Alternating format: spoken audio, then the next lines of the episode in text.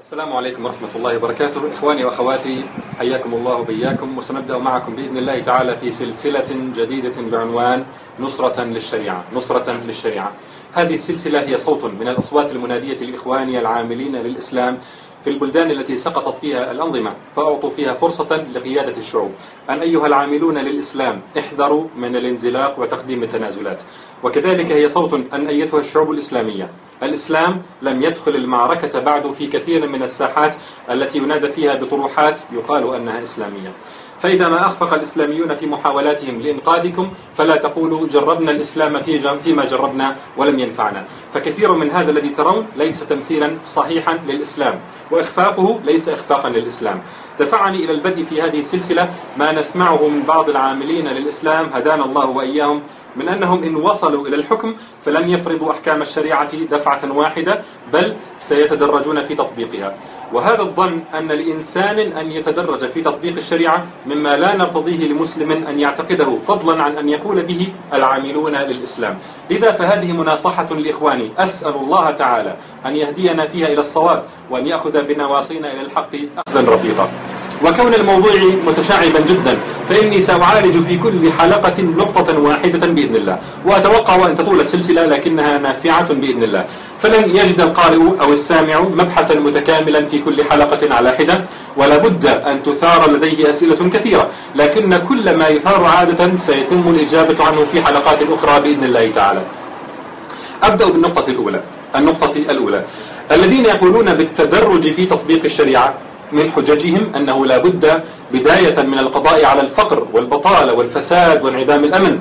يقولون أطعم الناس ووفر لهم الأمن ثم طبق الشريعة. هذا الطرح مثخل بالجراح والتناقضات. فأولا نحن كمسلمين نؤمن بأن الفقر والبطالة والفساد هذه كلها من نتائج تغييب الشريعة.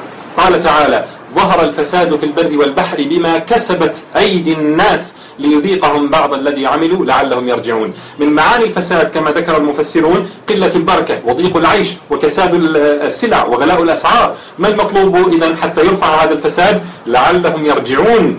أي إلى شريعة الله تعالى كاملة عقيدة وتطبيقا ومنهجا. وقال تعالى وضرب الله مثلا قرية كانت آمنة مطمئنة يأتيها رزقها رغدا من كل مكان فكفرت بأنعم الله فأذاقها الله لباس الجوع والخوف بما كانوا يصنعون. وتغيب شريعة الله تعالى من الكفر بأنعمه. يتقلب العبد في نعم الله ثم لا ينصع لأمره ويطبق غير شريعته. هذا هو سبب الخوف والجوع. وقال النبي صلى الله عليه وسلم في الحديث الصحيح الذي أخرجه ابن ماجه والحاكم والبزار والمنذري وغيرهم لم تظهر الفاحشة في قوم قط حتى يعلنوا بها إلا فشى فيهم الطاعون والأوجاع التي لم تكن مضت في أسلافهم الذين مضوا. ولم ينقصوا المكيال والميزان إلا أخذوا بالسنين وشدة المؤنة وجور السلطان عليهم.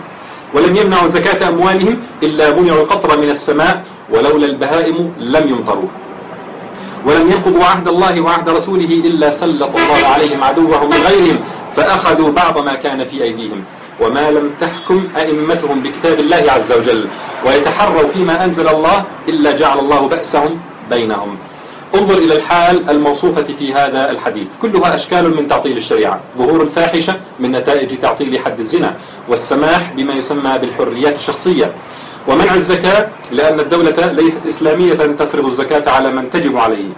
نقض عهد الله وعهد رسوله أوضح أشكاله ترك تطبيق الشريعة بشموليتها. ثم نص النبي صلى الله عليه وسلم على الحكم نصا فقال وما لم تحكم أئمتهم بكتاب الله. هذه المقدمات كلها هي من أشكال تعطيل الشريعة. ما نتائجها؟ الأمراض جور السلطان يعني الدكتاتورية منع المطر احتلال البلاد وضياع الثروات أن يكون بأس المسلمين بينهم يعني الخوف والحروب وقطع الطرق وضياع الأمن. هذه كلها نتائج تعطيل الشريعة. ما نعانيه اليوم هو من تعطيل الشريعة. وهؤلاء يقولون أبقي الشريعة معطلة إلى أن نتخلص من الفقر والفساد وانعدام الأمن. يريدون مداواة المرض بسببه. في حديث إذا تبايعتم بالعينة الذي نعرفه كلنا قال النبي صلى الله عليه وسلم في آخره سلط الله عليكم ذلا لا ينزعه عنكم حتى ترجعوا إلى دينكم. هذا هو الحل أن نرجع إلى ديننا. أن نرجع إلى شريعتنا وإلا سنبقى ندور في حلقة مفرغة. نريد علاج مشاكلنا بما يزيد هذه المشاكل كالمستجير من الرمضاء بالنار. ما الحل؟ الحل في إقامة شريعة الله. قال الله تعالى ولو أن أهل القرى آمنوا واتقوا لفتحنا عليهم بركات من السماء والأرض ولكن كذبوا فأخذناهم بما كانوا يكسبون. وقال تعالى ولو أن أهل الكتاب ولو أن أهل الكتاب آمنوا واتقوا لكثرنا عنهم سيئاتهم ولأدخلناهم جنات النعيم.